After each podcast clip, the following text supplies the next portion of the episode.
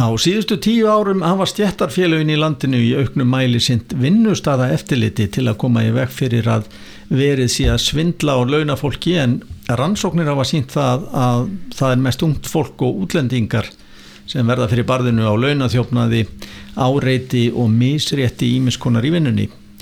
Til þess að koma í veg fyrir slíkt aðtæfi mætir vinnustada eftirlitið á vinnustadi og tekkar á ástandinu. Hjalti Tómasson, starfsmæður Bárunar á Selfossi er eitt þessara vinnu eftirlitsmanna og hann hefur nokkuð langa reynslu. Hann hefur lendi í skraudlegum og sorglegum uppákomum í sínum ferðum en hann þekki líka vel sögu vinnustada eftirlits á Íslandi. Við ætlum að fara aðeins yfir það svið hér á næstu mínútum. Velkomin Hjalti í hlaðvarp vinnunar. Já, hvað fyrir það? Þessi lýsing mín á vinnustada eftirliti, er hún svona nærri lagi? Já, já, þetta er nokkur næri lægi og, og hérna svona já, ágætt lýsing á því sem að við erum að gera. En grunnpælingin með því að fara uh, með vinnustæði eftirlit á, á staðin e, það er vantilega þetta að koma í vekk fyrir svindl og að starfsfólk búið við slæman aðbúnað eru margir svindlarar á íslenskum vinnumarkaði? Margir er sjálfsagt svolítið hug, hug, huglagt mat en þeir eru ómargir og það er ómikið um og hefur farið fjölgandi á síðustu árum svona uh, fyrirtækjum einstaklingum sem að sjást ekki fyrir þegar þeir eru að reyna að hagnast á, á fyrirtækjum á, á, á ræsturinnum mm. og því miður þá er það nú oft hagnast menn upp eftir glengjunni á þeim sem að vinna verkin Hver eru svona algengustu vinnumarkaðsbrotin? Það er þetta nær vitt yfir sko algengast er náttúrulega bara rángar launagreislur menn er ekki rétt staðsettir kannski samkvæmt uh, kjærasamningum í, í launum. Nú uh, það er ekki dóþægt að að hérna uh,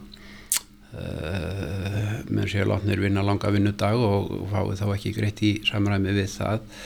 Það er verið að snuða fólk um neysluhlið til dæmis, orlof kvildatíma uh, eða greiðslur fyrir, fyrir, fyrir kvildatíma og það er rauninni sko listin er í sjálfur sér enda laus en kannski þetta er kannski svona það sem að blasir við. Svo rættir annur atrið sem er ekki eins greinileg sem að það er svolítið að skoða en koma svo út sem ég hef ekki nota bara orðið launathjófnaður Nefndu dæmi um slíkt til dæmis þegar að uh, eh, atvinnureikandi hann kannski reiknar í frádrátt ímsan kostnað sem að hann ákveður upp á sitt einn dæmi, það má nefna húsnæðir kostnað, það eru við sé kostnað fyrir, fyrir líkamsarækt, fyrir reyðhjólalegu og og ímislegt í þeim dúr. Fæðiskostnaður hann getur verið uh, hár langt upp fyrir það sem eðlilegt er og svona megin neðurstaðin er svo að menn er alltaf að reyna að komast upp með að borga eins lítið út í pening og hægt er. Reikna, reikna þá alla þessa þætti kannski alveg upp í topp. En hvernig maður hefur heyrt svona sífælt meira af því að, að, að sérstaklega útlendingar sem yngað er að koma eru bara hreinlega ofur seldir sínum mm. vinnuveitanda með húsnæði og, og jafnvel fæði og ímislegt annað kannski Sko, það, er, uh, það er kannski rétt að árætta svona framhald af, af, af, af svona fyrstur spurningunni, sko, eru margir. Uh, það er svolítið mikið um þetta í ákveðnum greinum og hefur farið uh, vaksandi en uh, útlendingar og, og við mögum ekki gleyma að mikið hluta þessu fólki sem er komið hér til dæmis í sambandið upp gangin í, í byggingargeranum, ferðarþjónustunni Eh, þetta er fólk sem að kemur svona þar sem við myndum kannski kalla svona fátækar í lönd uh, Evrópu. Uh, langlegst af þessu fólki kemur innan EES samningsins um frjálfsflæði og þetta er fólk sem kemur úr umhverfi sem að það sem að er ekki sko nálat í að vera líkt í umhverfi sem það kemur inn í hér.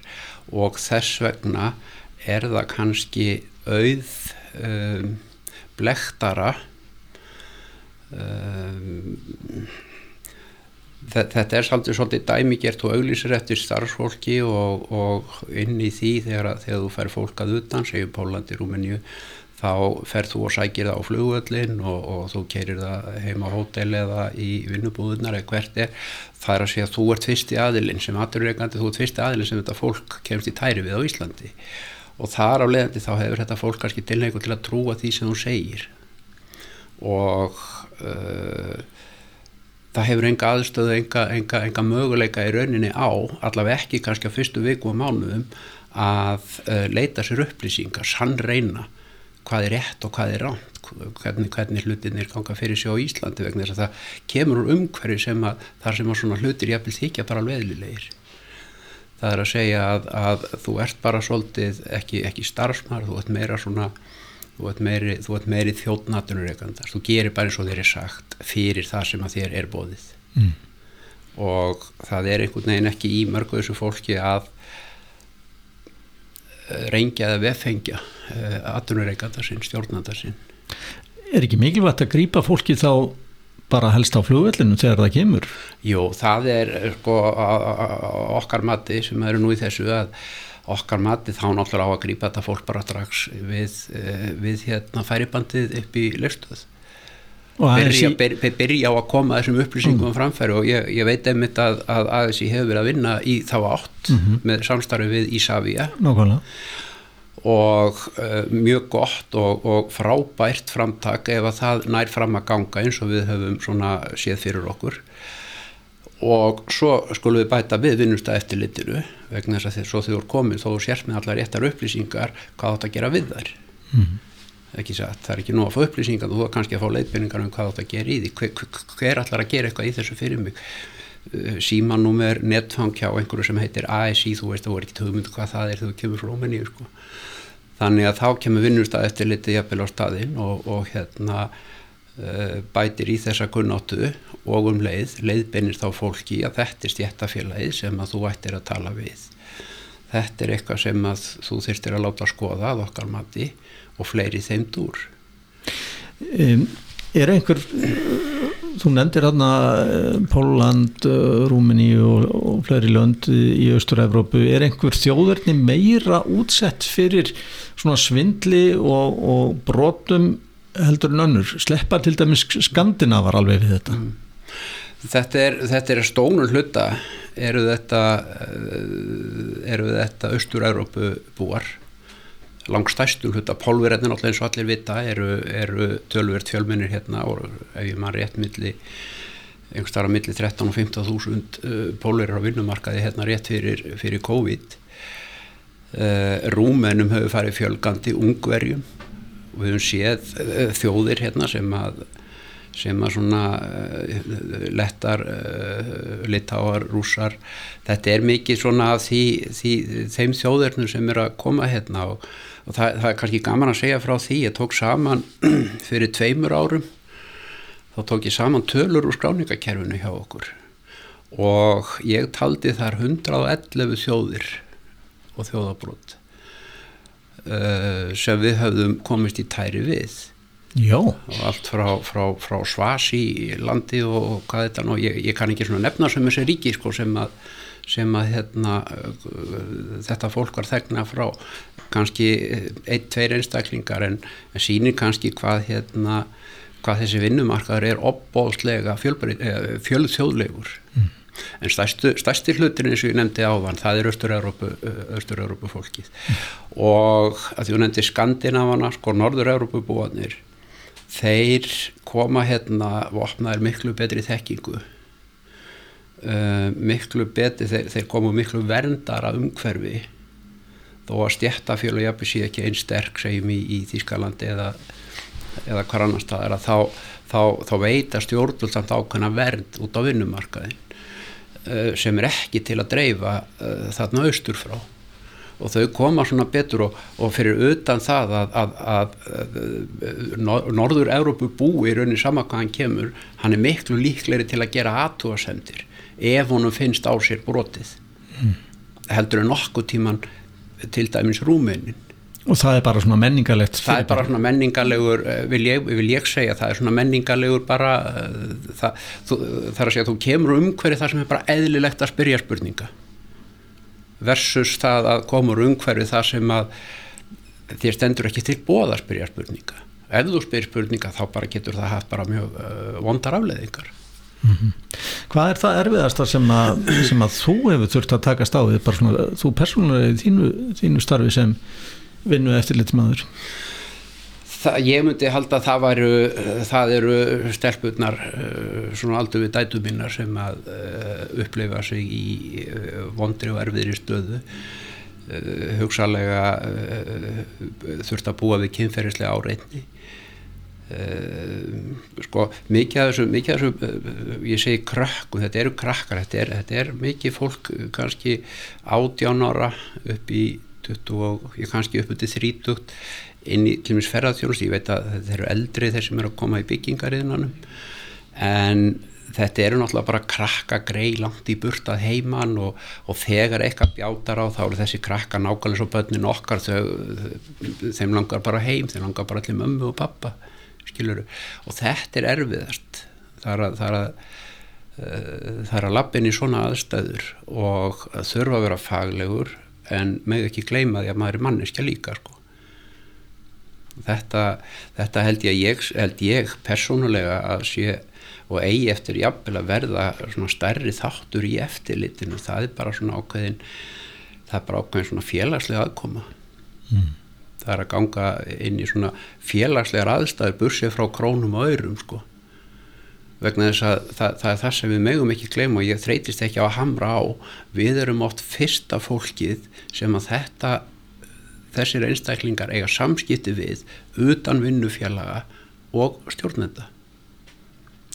Hafið þurft að eiga við hérna, sjálfbóðaliða Ísland hefur verið svona töff og inn og, og sérstaklega ungt fólk hefur jafnvel komið hinga til þess að vinna sjálfbóðavinnu sem er í rauninni bannað? Já. Hafið þurft að, að eiga við slikt? Já, já, við við hefum séð töluvert að svoleiðis löguðu og, og, og það er nú meira svona í, í, í eh, öðrum greinum frekar en ein, einum greinum frekar en öðrum en lögin er alveg skýr og uh, ég nefndi bara skattalög til dæmis, þau eru alveg skýr hvað var þar uh, uh, vinnu í, í hérna efnahagslega vinnu. Það, það, það er bara, bara einföld megi lína að uh, vinna á Íslandi er almennt launuð. Og ég las það einhver tíma en ekki fyrir margt löngu síðan að, að hérna, á sínu tíma var ákvæði lögunum sem var tekið beint úr dönsku lögunum sem var sett þegar að Danir ánámu þrælahald. Þá settu þeir greinin í sína stjórnarskrá um akkurat þetta og þetta tegðis ég, ég svo sem ekki leita þessa lagagrein hér á Íslandi en, en þetta er, þetta, þetta er hugsunin.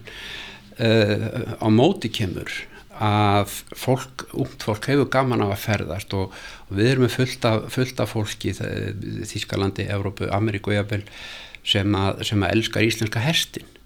Það sér íslenska hestin, íslensku sveitina bara í hyllingum það er alveg tilbúið til að koma hér og, og, og móka rossaskýt eh, fyrir ekkert. Það er hins vegar ekki endilega uh, verst uh, þetta fólk kemur ekki frá verst stöttu fjölskyldónum hvað ég á við. Það er efnaði að vera hérna launalöst í þrjá mánuði, fjóra mánuði. Vandamálið er þegar að fyrirtæki fara að nýta sér það í efnahagsleiri starfsemi við getum sagt sem svo að, að það er ekkert að því fyrir segjum bara svo, svo ég takki dæmi gráa herin að fá hérna í mánuði að þrjár vikur 40 krakka frá Þýskalandi til að, til að uh, týna hér úr, úr fjör eða var að bláu hérum fyrirgjöðu að hérna týna úr fjörunni rusl og svona og, og þau fá náttúrulega ekkert nema bara vassbrúsa og eitthvað að borða og, og stallila svo og það gerir engin natúrst í það. Þegar hins vegar við erum að tala um fyrirtæki segjum við ferðarþjónustu með kannski 2-3-400 miljóna veld á ári og stór hluti starfsliðsins er sjálfbúðaliðar ég held að hljóti hver maður að sjá að það er bara ekki alveg eðlilegt. Og það er þetta sem við höfum svolítið verið að, að uh, reyna að taka á. Mm. e, Við ætlum í þessu spjallega ræða já, einmitt, vinnustæði eftirlit í nútíð og fortíð.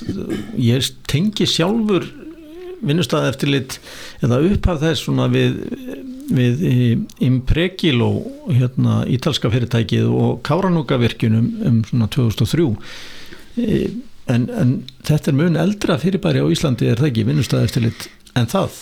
Já, sko, þegar, að hérna maður finnur að skoða og lesa uh, sögu verkalýsæfingarinnar á Íslandi aftur í tíman og uh, ég fór að gera þetta svolítið út frá einmitt þessum glerugum, þessu, þessu eftirliti, þessu vinnustæð eftirliti þá komst ég að raunu það að þetta vinnustæð eftirlit í einni annari mynd er sennilega jafn gamal treyfingunni ég var nú bara eitthvað að segja svolítið, svolítið þissa ég ég held ég hefði höndla sannleikan þegar ég las lögin frá 2010 um vinnustæð eftir lit en það kom í ljós að það var ekki og, og það eru margir mætir einstaklingar inn í reyfingun í dag sem að það má alveg segja hafi bara byrjað uh, sinn feril verkefælisreyfingunni sem eftirlýsvöldrúar vegna þess að það var töluvert að félögum sem að voru að gera þetta. Þar að segja að það var að fara markvist út á vinnustæðina í ákveðnum tilgangi.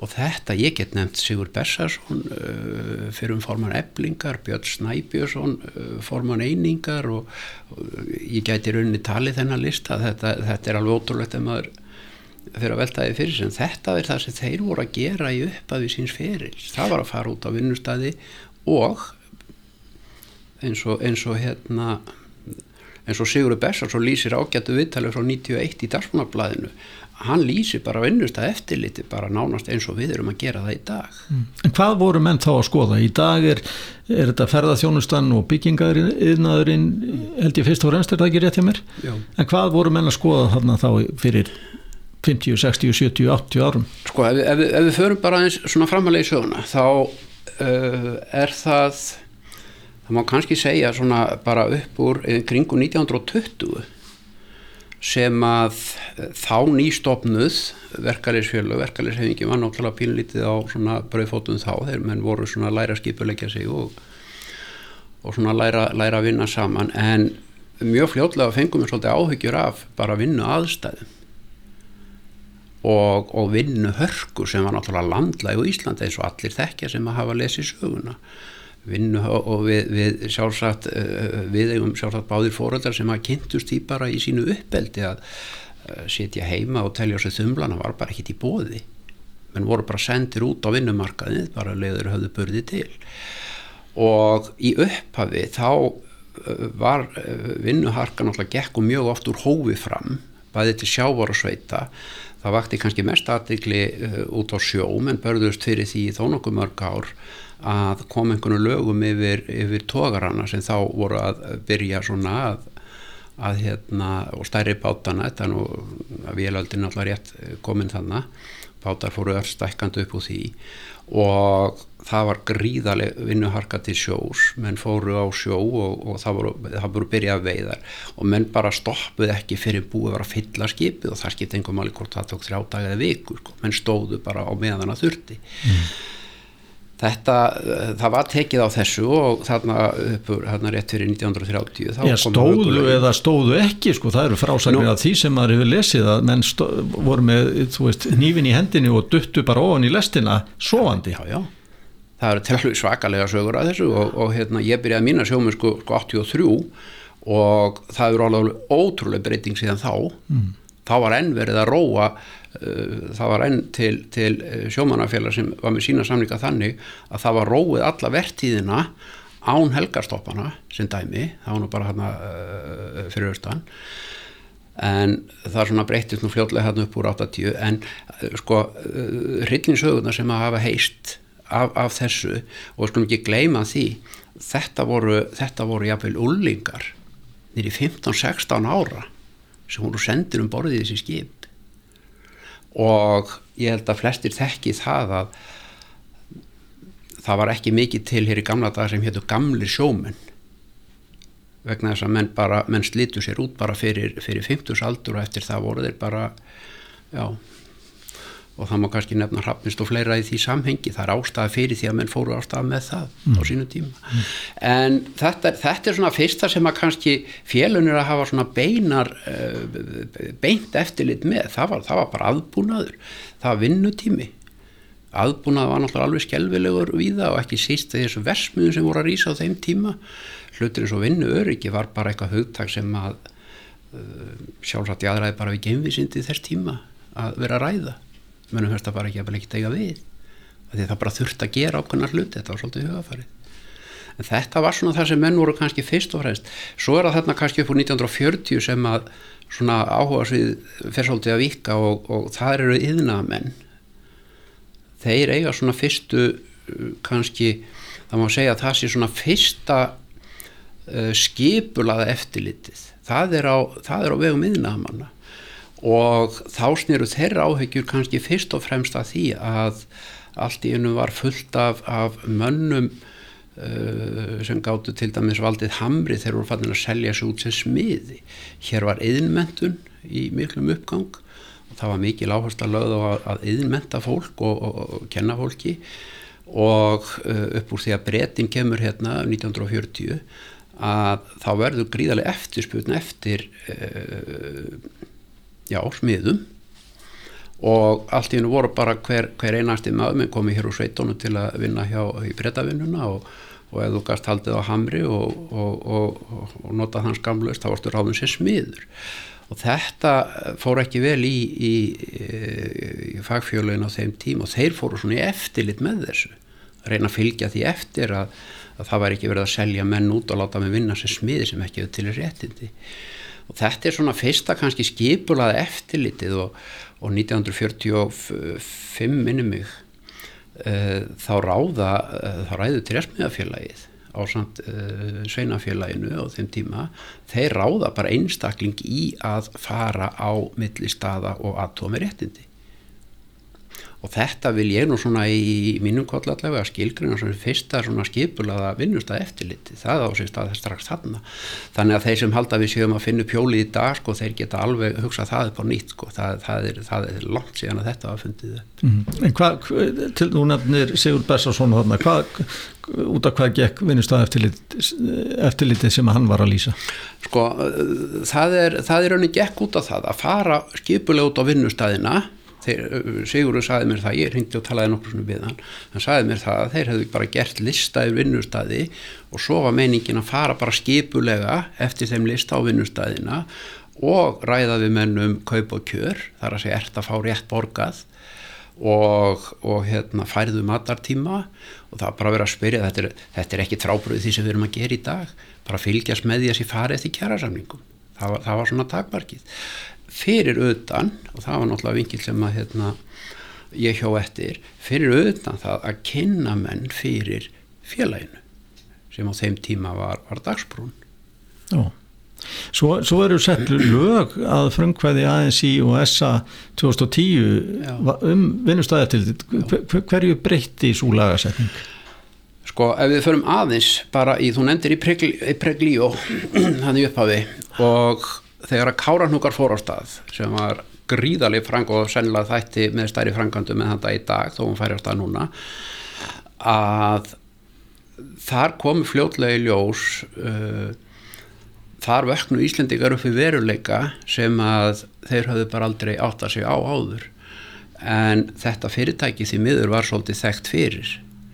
Það er að segja að um, hvernig maður orðaðans að vera dónalegur í útvarp uh, þeir letu svolítið á starfsfólk sem svona einnota verkværi það er að segja að þú notar það sem þú getur úr starfsmannunum en þú tekur eins litla ábyrð á hann og möguleikir ef það kemur upp á þá bara nærður í nýjan þetta var svolítið hugafærið ég veit að, að, að hérna, afl fyrir austan þeir uh, unnum mikla og gerðu mikið í því að, að reyna að vera þarna á staðinu voru með trúnaðamann hann sem að uh, var mikið í því að, að, að reyna svona að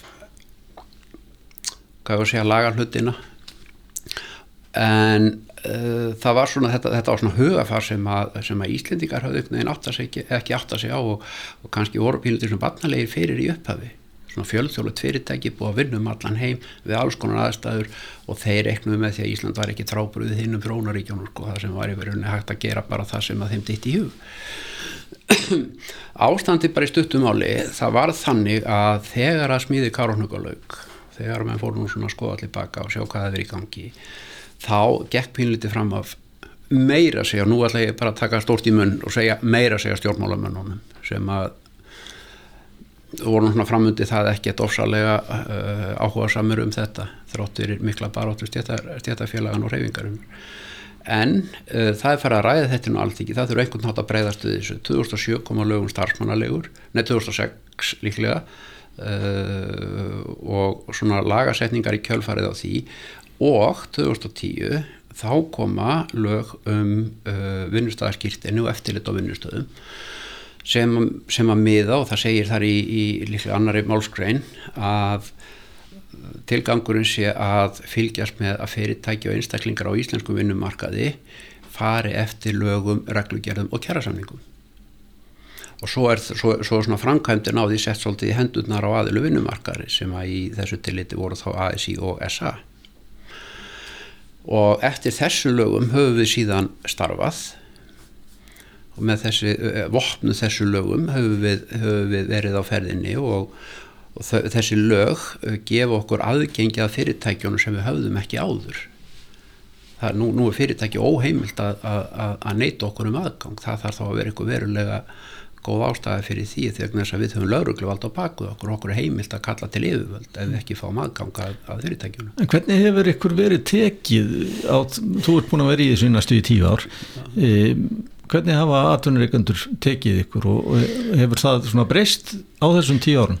Já, já, það hefur breyst. Ég, ég hérna, uh, gerði þarna hennan uh, fyrirrestur eða fyrstir hvað við höfum kallað hann um daginn sko, ég var lengi að velta fyrir mig nafna á hann og einhvern veginn kom þetta alltaf upp í hausin á mér hérna hvaða ruggleinu þetta? Og ástæðan var náttúrulega sko, svo að, að þetta var oft það sem að var að fá framann í sig og þetta var eitthvað svo fjarr í mönnum að, að reikna með því að það dúkaði upp eitthvað frá stjættarfélaginu fyrir var að laust. Þetta einhvern veginn bara menn voru bara lengi að átta sig á því að þetta væri bara staðrindin og, og þetta væri möguleiki. En þetta var svona viðhorfið hann í upphafi. Síðan hefur þetta viðhorf mjög breyst til batnaðar. Það, það skal bara segja mönnum og menn ekki bara eiga það sem þeir eiga. Atvinnureikundur hafa bara og þá er ég að tala um atvinnur, ég er ekki að tala um SA ég er að tala um atvinnureikundur út á unnumarkanum þeir hafa verið svona í gegnum tíðina alltaf að verða svona opnar og opnar hægt og rólega þá hefur þetta orðið svona viðukendu þáttur hjá mörgum fyrirtækjum að fyrirtækjarestunum þarf að segja að það sé ekkit óeðlegt að þetta sé skoðað eins og hvað annað. Ég hef samt talað við e, fólk sem hefur verið í vinnustæða eftirliti sem hefur bara hreinlega verið hótað og, já, sko, og ég haf vel barsmiðum sko. Já, já, nú, nú er ég að reyna að vera diplomatíkur og, og hérna jákaður sko en, en staðrindin er svo og þetta, auðvitað er þetta svona lítill lítill hluti þeirra fyrirtækja sem við erum að koma inn í. Eh, ég hef haldið því fram núna í nokkur ár að það hafa orðið til svolítið nýtt tegund atvinnureikenda með, eh, með þessari gríðarlegu uppbyggingu í ferðarþjónustunni og það eru bara glæpasnúðar sem að til þessa framöndi þetta hafa bara verið þekktir fyrir eitthvað allt annað en að vera, vera, vera hérna, ferðarþjónustadilar en þarna er peningur og þar sem er peningur þangar sæki svona lið.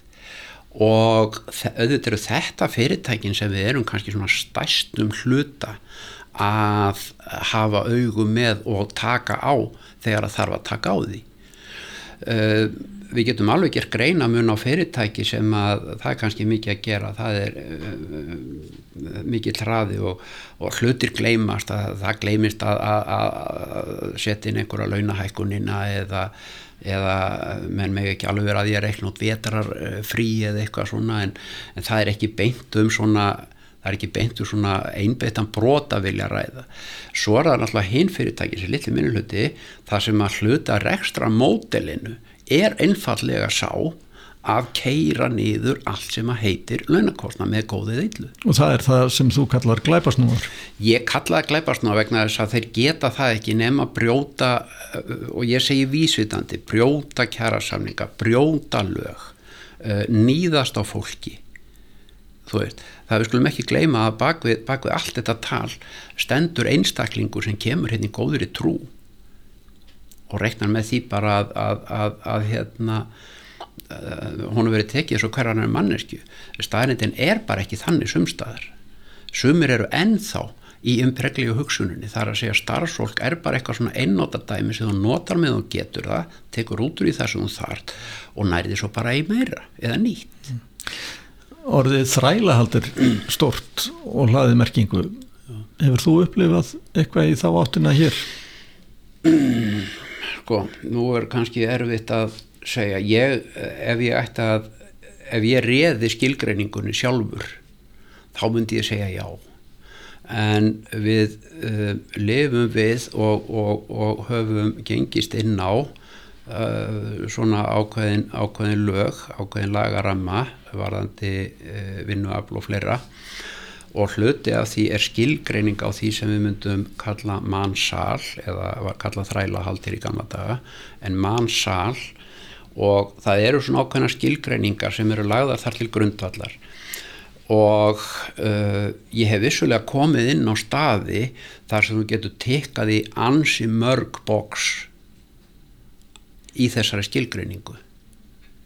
Og að því ég fæ ekki að ráða því skiluru þá þarf ég að koma því áfram á réttastaði og því miður þá hafa bæði lögregl og dómsiðuvöld ekki verið tilbúin eða í stakkbúin til að taka, taka á því þegar að við höfum uh, gengið inn í svona aðstæður eitthvað staðar. Og það er uh, í lengra máli hægt að reykja um nokkuð dæmi um það. Staðrindin er svo að það hefur mér vitanlega ekki tekist fram að ná neinum dóm mm. út úr svona máli hugsanlega utan einu sinni og það, það af því þá með, með, með, með uh, mannsal í uh, kynferðismannsal að gera en ekki svona almennt vinnumarsal. Eh, það er alltaf að nefna bara í, í fljóttetum að eh, Ríkislauglustjóri gaf út skýslu núna fyrir áramótin uh, þar sem hann tiltekur að sérstaklega að Ísland sé í sívaksandi mæli áfangastadur vinnumansals. Og hvað nákvæmlega er það að segja okkur? Jú, við erum bara að komast í hóp með stórustrákonum þegar kemur að því að uh, kaupa og selja vinnuöfl og í þeirri, þeirri skýrslu er líka uh, tekið fram sko viðleitni stjættafélagana og uh, af lærsti skýrsluna má, má ráða að stjættafélagin sé raunni eini aðilin sem að þó hefur á einhvern nátt reynd að taka á því.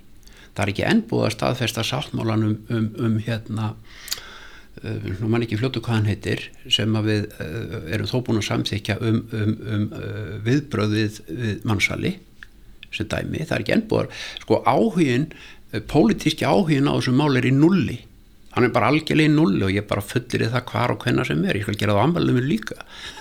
Þessi áhugin, hann er ekki til staðar.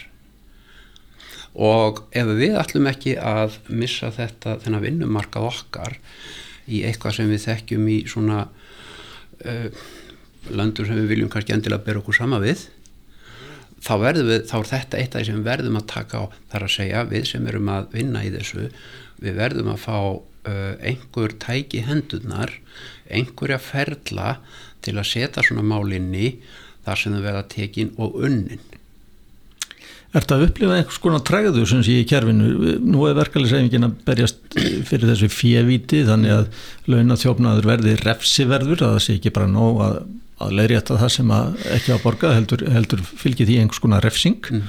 E, er er træða í kjærfinu? Gagvart svona málum á vinnumarkaði? Sko, það, ég, ég vil nú aðeins taka þetta í tvent það er annars vegar þetta sem við kallum launathjófnað og hins vegar það sem við kallum vinnumansal. Það er, við skulum ekki alveg blanda því tennu saman. Um, hvað var þar uh, launathjófnaðin þá uh, er áhugin það, það er træða, já, svo sannarlega træða og ég held að við vitum alveg hvaðan hún kemur. Við þurfum ekkert að, að, að vera eitthvað barnaleg með það. Ja, hvaðan kemur hún? Hún kemur bara á rákvæmum kræsum í samfélaginu hún kemur frá okkur stjórnmálaflokkum. Það er bara ekki flókið. Og hvaða flokkar eru það? það er sjálfstæðarflokkurinn frásonarflokkurinn, bara svo ég nefna eitthvað.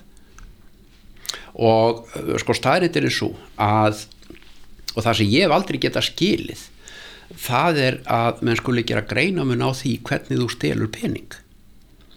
Það er í lægi að stela pening á þessa vegu en ef þú gerir það hins egin þá ertu bara í vondum málum. Ef ég lappa nú hérna út með veskið þitt nota kortið þitt hér uh, út á laugavegi einhver staðar. Ég reikna fastlega með því að ég þyrst að taka einhver ábyrð á því. En ef ég ræði í vinnu, ef þú kemur nú hérna austur, fyrir fjall á morgun og málar þakki á húsunum mínu til dæmis og þegar þú vilt fá borga þá segir borga, ekki að ræða þú bara, ég þér að geta, þér ekki kaffi. Þú veist, bara burt með þig. Hvað var ég enda við að gera? Ég var að stela vinnuframlæðinu ekki satt? Þetta er peningurinn þú áttur að lappa með í verkinu þínu þú færð hann ekki vegna þess að ég ákvaða að borga þér hann ekki. Hvað afleikar hefur það fyrir mig? Mm -hmm. trúlega yngar hverjar hjaldi eru svona helstu áskorunar í, í þessum málaflokki? Ef þú verður ráð þeirra já. Mm. og hvað hva, hva verður það fyrsta sem þú myndir breyta eða, eða, eða bæta í þessum málaflokki? Þetta er hættuleg spurning. Þetta er mjög hættuleg spurning fyrsta lagi þá held ég að það er aldrei lík góðs ef að þetta væri ákvörðun einsmanns eða hugmyndir einsmanns það sem við þurfum að gera sem samfélag er að taka ákvörðun um það að það sé ekki í lagi að fara illa með fólk. Það, við þurfum bara að taka ákvörðun um það. Til dæmis það er ekki í lagi að stela vinnuframlægi fólk. Þetta er eina sem að útlendingarnir sem koma hérna þetta er eina sem þeir hafa. Það er vinnuframlægið það er það sem þeir eru að selja. Þeir eru að selja reynsluna í kollinum þeir eru að selja þess að tvo handliki sem þeir vonandi flesti koma með lapirnar á sér og þetta er það sem þeir hafa að selja. Byttu, ef þú nota það en borgar ekki fyrir það getur við kalla það eitthvað annað en þjófnað? Eða þú borgar í besta falli fyrir það þar sem þér þykir eðlilegt að borga. Börsið frá allir kjærasamningum og lögum og reglugjaru er það eitthvað sem snertir mig? Má ég bara ekki ráða þessu ég er ekki vissum að við værum í þokkalöfu samfélagi við letum þetta viðgangast og sæðir hérna áðan að, að vinnustæða eftirlit væri líklega jafn gamalt íslenskri verkefliðsreyfingu mikilvægi vinnustæða eftirlits mm. fer það vaksandi heldur Já. ég held að það sé alveg borlíkjandi uh, bæði náttúrulega er vinnumarkan hann er að vera floknari vinnumarkaðurinn er og hefur verið núna á síðustu bara vil ég segja örfa árum, 10-15 árum að breytast alveg gríðarlega frá því sem við þekktum áður. Það er að verða til ný störf, það er að hverfa önnu störf, við erum að horfa á fjóruð innbyltinguna eh, bara núna nýlega þá erum við að horfa á stóra hópa fólks vinna heima.